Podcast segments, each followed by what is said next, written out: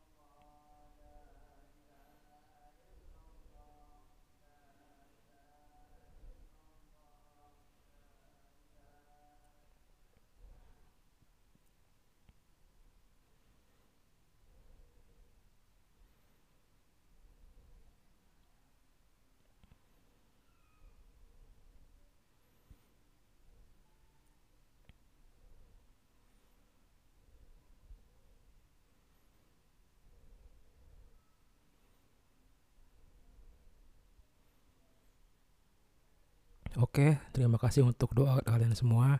Semoga dijabah oleh Tuhan Yang Maha Kuasa dan langsung aja kita bakal langsung lanjut ke dalam podcastnya. Oke.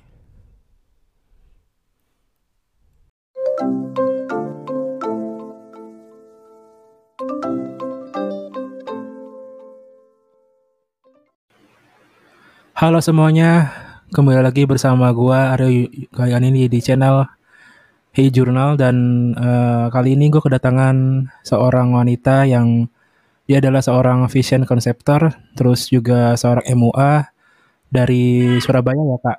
Iya dari Surabaya. Iya, ini ada Alexis Cleopatra. Halo. Halo, Kak. Halo halo. Iya langsung aja nih, gue punya banyak banget pertanyaan buat kak Alexis yang berhubungan sama kecantikan gitu.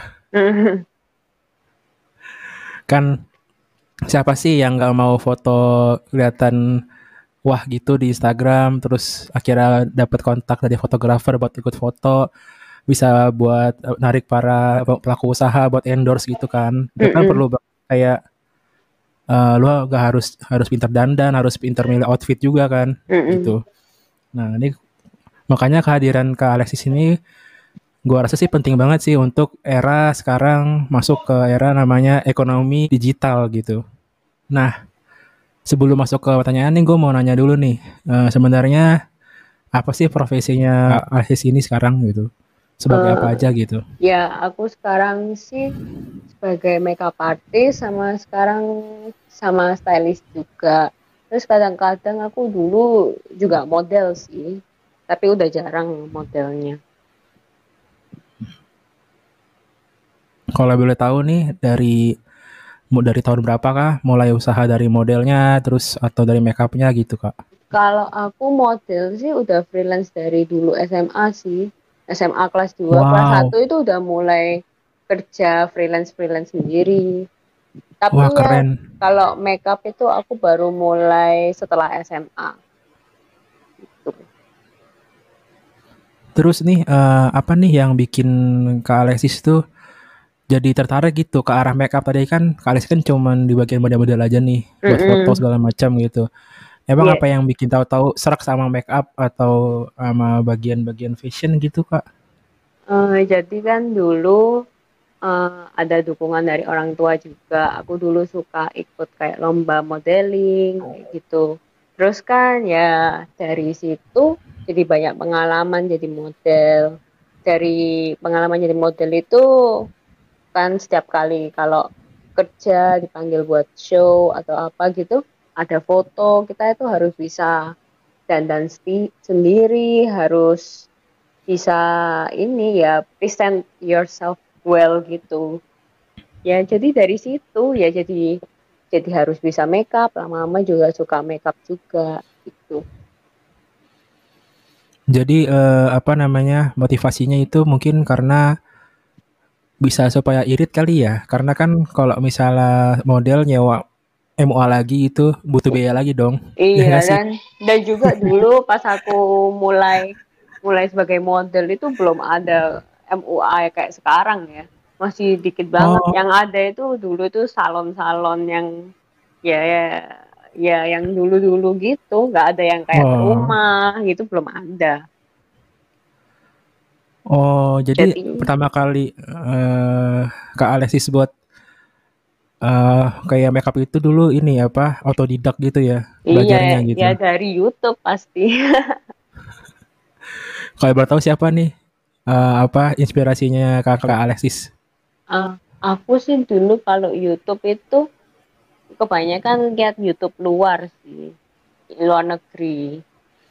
Oke. Okay ya gitu yeah. ya ganti-ganti nggak ada satu orang yang sama sih soalnya dulu sukanya belajar yang tipe makeup hmm. yang berbeda yang yang ini beda kalau sama orang yang lain juga beda kayak gitu soalnya kalau gue lihat di YouTube itu ya kalau di trending luar gitu kayak misalnya UK US gitu hmm. itu tuh uh, kayak fashion itu tuh punya kolom sendiri gitu loh mm ada sendiri fashion gitu kalau uh -uh. di Indonesia tuh belum ada kayaknya ya Iya ya, stylenya uh, sini sama stylenya uh, uh, luar negeri memang beda. Oh ya, uh, untuk alasannya tadi itu kan uh, Kak Alexis bilang kalau misalnya itu karena apa tuntutan lah ya, karena seorang model juga harus mm -hmm. bisa apa namanya bisa mandiri lah untuk memulai karir gitu loh. Nah, mm. untuk karir serius sebagai seorang makeupnya sendiri gitu, mulai dari kapan kak? Aku mulai dari tahun 2017. Itu aku mulai sekolah make up kira-kira tiga bulan gitu udah mulai terima klien sih dulu. Siapa tuh kak yang kakak pertama kali itu? Mungkin bisa gak harus sebut nama ya. Mungkin uh, apakah dia teman kakak atau apa kakak gitu? Uh, iya dulu itu ada teman aku yang mau pre-wedding. Jadi job pertama hmm. aku itu aku pre-wedding terus bawa ke Bromo. Wah. Gitu. Gimana tuh Kak? Ya, pengalaman ya. pertama kalinya, pertama iya, kali ngurus ya. orang.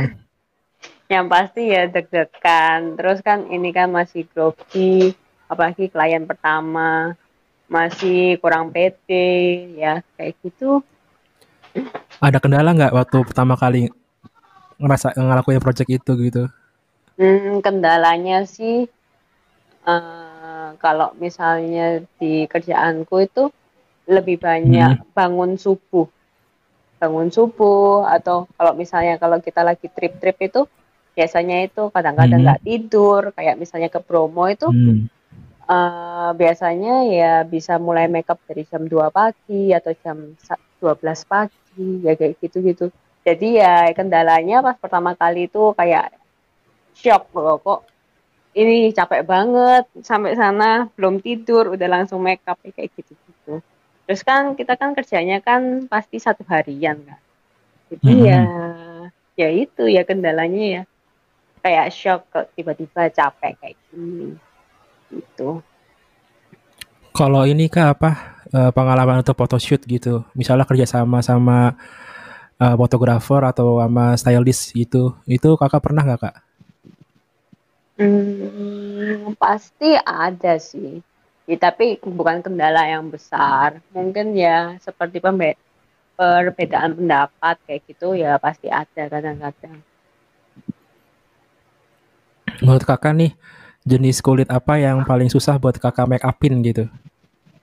Oh, buat aku sih kulit kulitnya ini orang tua. Orang Kenapa tua tuh? kan udah kayak uh, ya udah keriput-keriput kayak itu sama biasanya itu udah apa eh kulitnya orang muda sama orang tua kan beda kan yang pasti. Jadi kalau Hmm. misalnya kulitnya kita itu yang masih muda-muda itu masih bagus, apa ya ada kelembapan yang cukup. Tapi kalau kulitnya orang tua itu biasanya udah kering Hmm. banget biasanya. Terus habis itu kalau misalnya dipakein makeup, pemakaiannya nggak bener itu bisa pecah-pecah makeupnya. Ya susahnya di situ sih. Kalau misalnya orang tuanya kayak Tante Erni gitu gimana tuh Kak? Kenapa? Kayak siapa? Tante Erni itu yang sering di TV. Waduh, aku nggak tahu. Ada tuh Kak, Tante Erni udah umur berapa gitu tapi kelihatan masih muda gitu Kak. Hmm, ya kalau kayak gitu ya ya nggak apa-apa. Tergantung Sekarang lah semuanya. sekarang banyak loh. Sekarang Iya. banyak loh yang masih cantik gitu tapi us- usianya udah atas 40, udah mau 50 gitu. Ternyata banyak juga. gitu. Iya itu nggak tahu itu gimana caranya. Harus disebarin itu rahasianya kayak gimana. Yoi, ntar jadi muda semua gitu. Nih, kan berarti kan eh, Kak Alexis sudah beberapa kali ikut photoshoot ya. Mm-mm.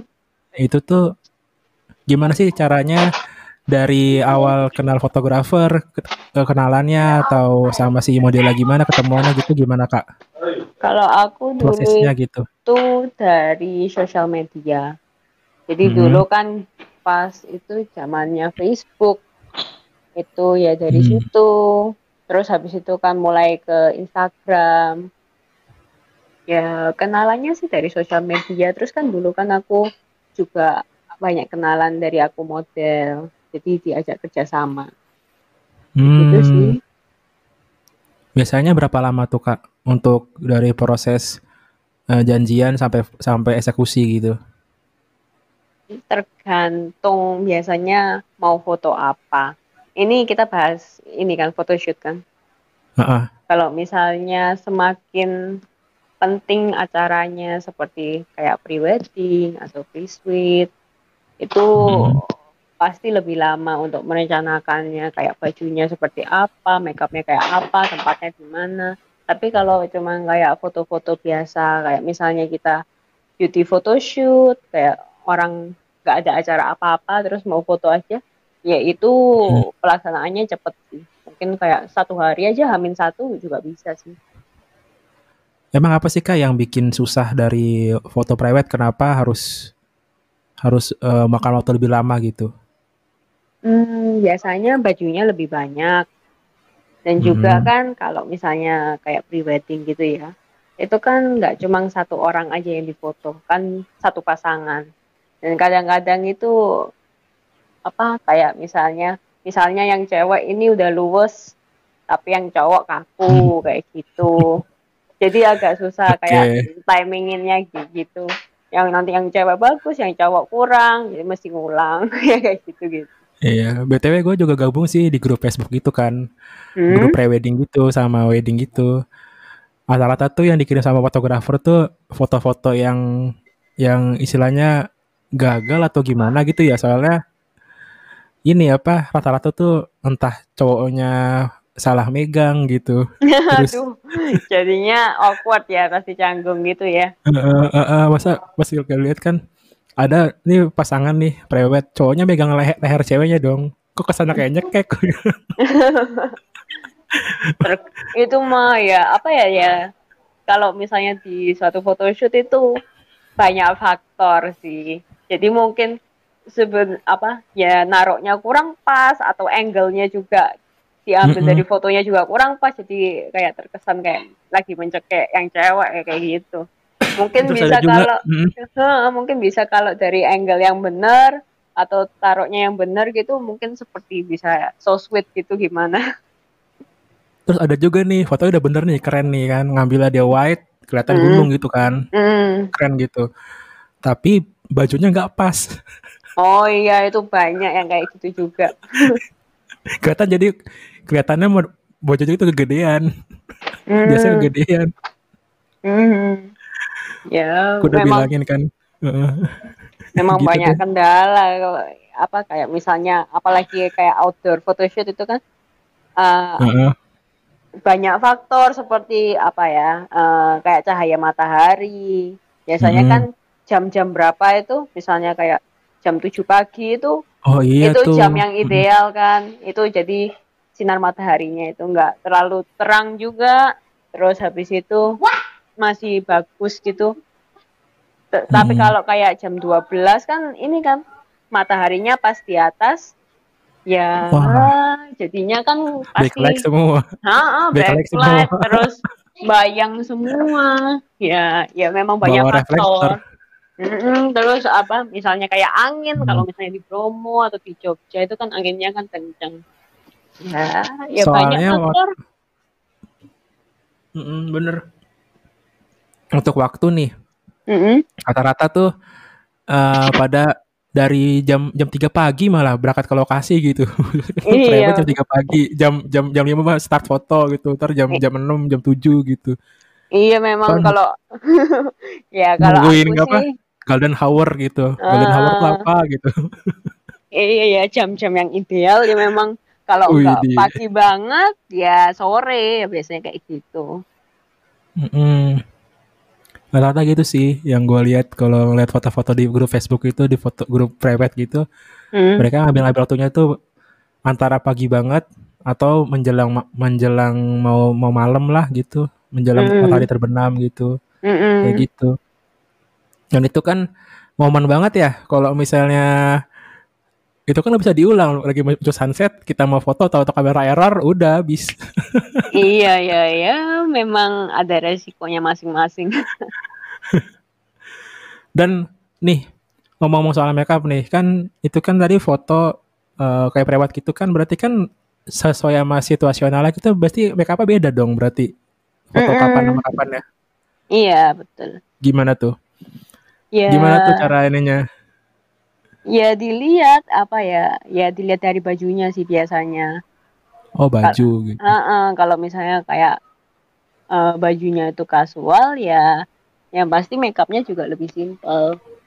Tapi kalau bajunya gaun yang mewah, ya otomatis makeupnya harus menyesuaikan gitu. pernah nggak eh, apa eh bajunya sama tempatnya itu kayak nggak cocok gitu menurut eh, Kak Alexis gitu Hmm, ya pasti pernah sih. terus apa nih komennya Kak Alexis waktu itu eh ya kalau sudah di lokasi, sudah di sudah di depannya klien, yang pasti kita nggak boleh ngomongnya kayak gitu-gitu sih.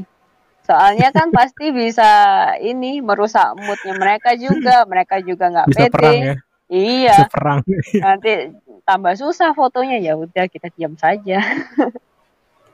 Soalnya ada juga orang kayak ini bukan private aja ya, kayak misalnya photoshoot nih, Mm-mm. ngajakinnya misalnya eh taruhlah di pantai gitu, tapi pakainya kebaya gitu loh. Waduh, ya itu yang Ini nggak cocok. gimana nih? Ini konsepnya gimana ini? Ada lagi konsepnya katanya fine fine dining gitu kan di Mm-mm. di kafe-kafe gitu. Dia bawa outfitnya outfit inian kaos doang. Apa Ya, sih? ya, ya, kita kan cuma bisa ikutin kliennya mau gimana. Heeh. Kan gue juga pernah beberapa kali foto ini kan foto kasual gitu kan. Mm, Gue bilang kan "Eh, ini aku temanya street ya gitu kan. Harusnya kan mm. pakai cukup pakai kaos jaket gitu loh kan. Dia pakai ini loh, pakai dress panjang gitu nih. Street dari mana? Gimana ngambilnya? kecuali di, kecuali lu foto di di di studio gitu ya masih bisa lah ya diatur kan ya. Iya, masih bisa ganti tema. Cuma kalau udah di outdoor gitu ya, ya mau gimana? Nah, ini tadi kan kita ngomongin makeup ya. Mm, Nah, soal ini nih fashion stylist nih. Gimana nih Kak Alexis nih? Karirnya sebagai fashion stylist konseptor gitu. mm, ya, awal mulanya itu soalnya kan sebagai makeup artist, eh, Hmm. ya kalau misalnya uh, kliennya nggak pakai stylist ya harus ikutan ini juga harus ikutan ngatur juga. Gitu ngikutan ngatur bajunya kayak gimana nanti baju ini dipakai di mana nanti makeupnya kayak gimana. Kan ya sebenarnya kan sudah jadi stylist juga kemarin itu. Jadi ya sekalian aja dibikin jadi stylist juga gitu.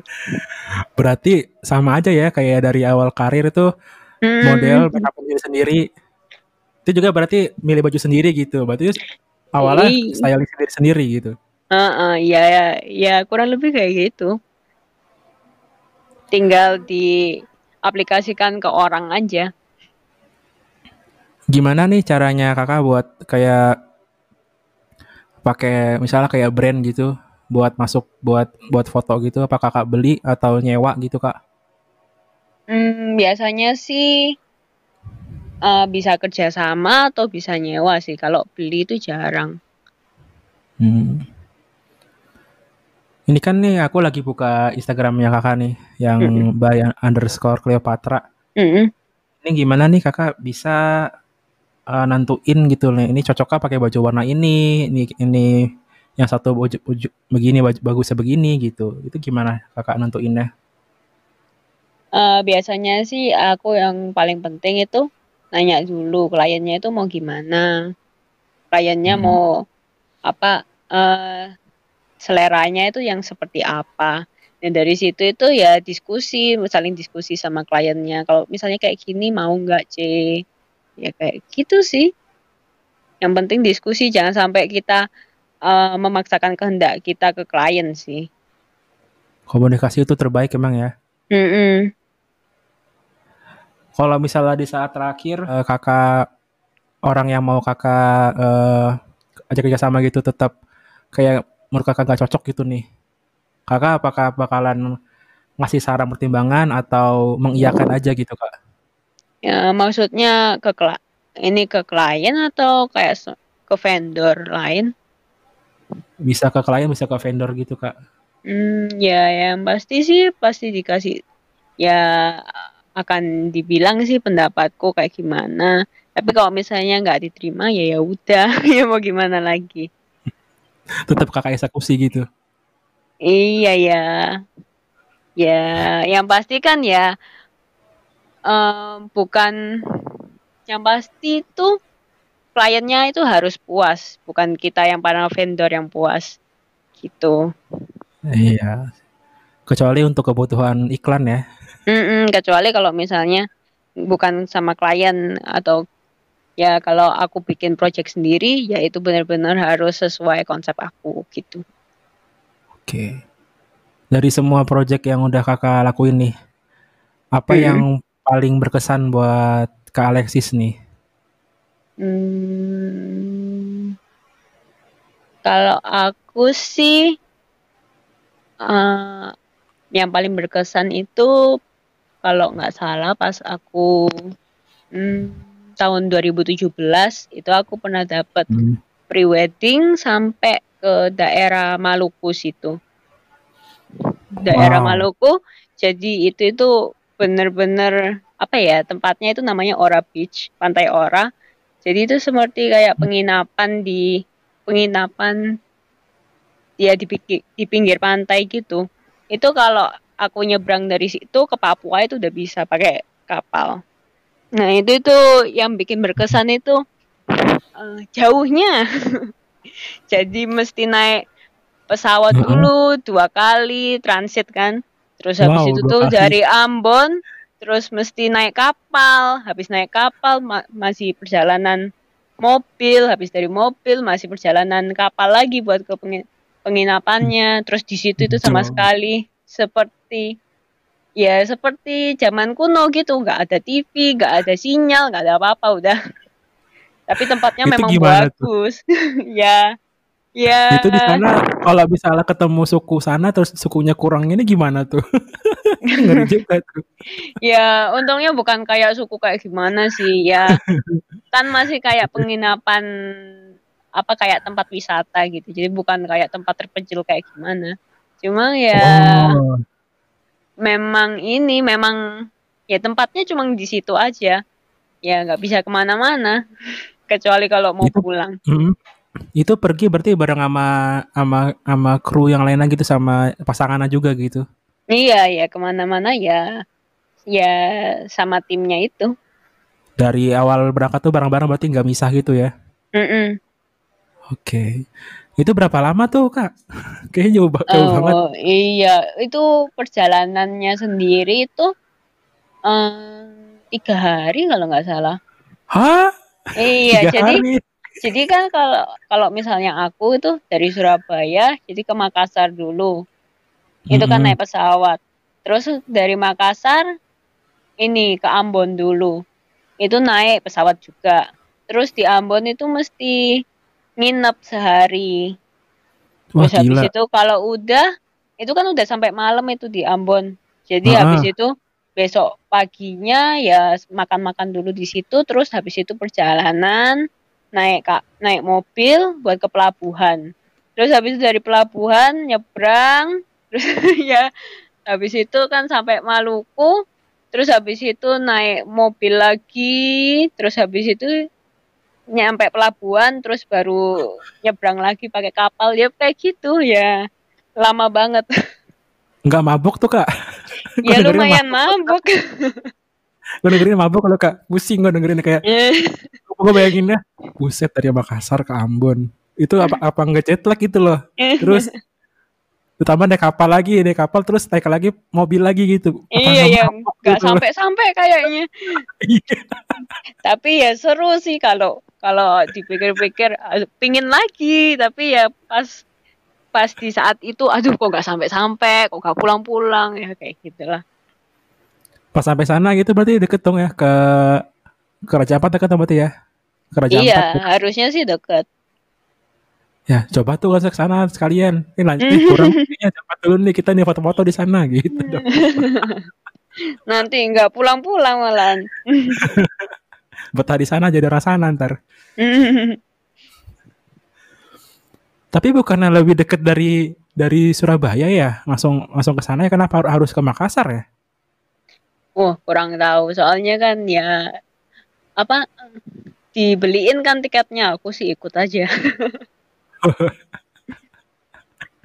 Untung dibeliin ya. Coba Enggak beli sendiri kalau gitu. enggak aduh ampun. Udah mager banget tadi ya naik pesawat dua kali gitu. Sumpah, ternyata seberat itu ya. iya, tapi ya memang ini sih apa kerjaannya kan mobile banget kan. Bisa di mana di mana. Ya itu serunya juga sih. ya mobile sih mobile. Tapi itu tiga hari loh di jalan loh. Mm-mm. Oh ya, ini kan lagi kita masih ngadepin pandemi ya sekarang ya, Mm-mm. COVID. Sekarang kerjaan gimana tuh, Kak Alexis? Eh, yang pasti sih kena dampaknya COVID sih. Seperti kan Hmm. ya apalagi yang pas kemarin-kemarin itu yang pas parah-parahnya kayak Maret sampai Mei atau sampai Juni itu ya yang tahun lalu. Itu kan bener-bener Kalau- parahnya. Itu sama sekali nggak ada kerjaan sih. Kan soalnya pernikahan, wedding-wedding itu kan juga nggak boleh, nggak ada sama sekali. Tapi ini udah mulai jalan Hmm. lagi sih. Kan dulu sempat ada tuh yang bikin virtual wedding gitu loh. Iya, ya virtual wedding. Yang Ya, dia undangannya pakai ini, pakai pakai ini ya live YouTube live itu ya. iya kata gue. Ini gimana salamannya? Ya dari jauh aja pokoknya udah dilihat ya. Dikahana live streaming dong, pasang pasang ini layar tancep. Tapi kalau nikahan live live gitu kan berarti bukan hemat ya, soalnya kan cuma butuh kuota doang kan, Iya. Ya, yang pasti sih, makanan. yang pasti sih pas pandemi kalau memangnya mau wedding ini sih lebih lebih hemat sih. Iya benar. Oke nih ada pesan nggak atau eh, pesan untuk buat eh, para MUA yang masih baru atau foto fotografer, stylist yang masih mau yang baru mau masuk ke dunia ini gitu. Hmm, yang pasti sih latihan terus, terus jangan egois. Kamu harus tahu kliennya itu seleranya kayak gimana. Jangan sampai memaksakan kehendak gimana terus kliennya nggak puas ya. Gitu sih. Jangan lupa Oke. komunikasi. Terus ini kan kebersihan ya sekarang lagi corona Bener. harus ini di, benar-benar diperhatikan hygiene-nya. Soal komunitas ini menurut kakak penting gak sih komunitas? Komunitas apa? Misalnya komunitas eh, fotograf, fotografer, model gitu, foto, komunitas fashion stylist gitu. Itu penting gak Mhm. sih? Penting gak sih buat kakak? Eh, menurutku penting sih. Hmm. Soalnya aku juga ikut sih kalau kayak komunitas kayak grup lain gitu, aku juga ikut. Soalnya kan bisa berbagi ilmu kalau ada pertanyaan apa gitu bisa langsung tanya ke yang lebih senior. Mm-mm. Ya, menurutku penting sih. Oke, kalau mau nge-reach kakak di mana nih kak?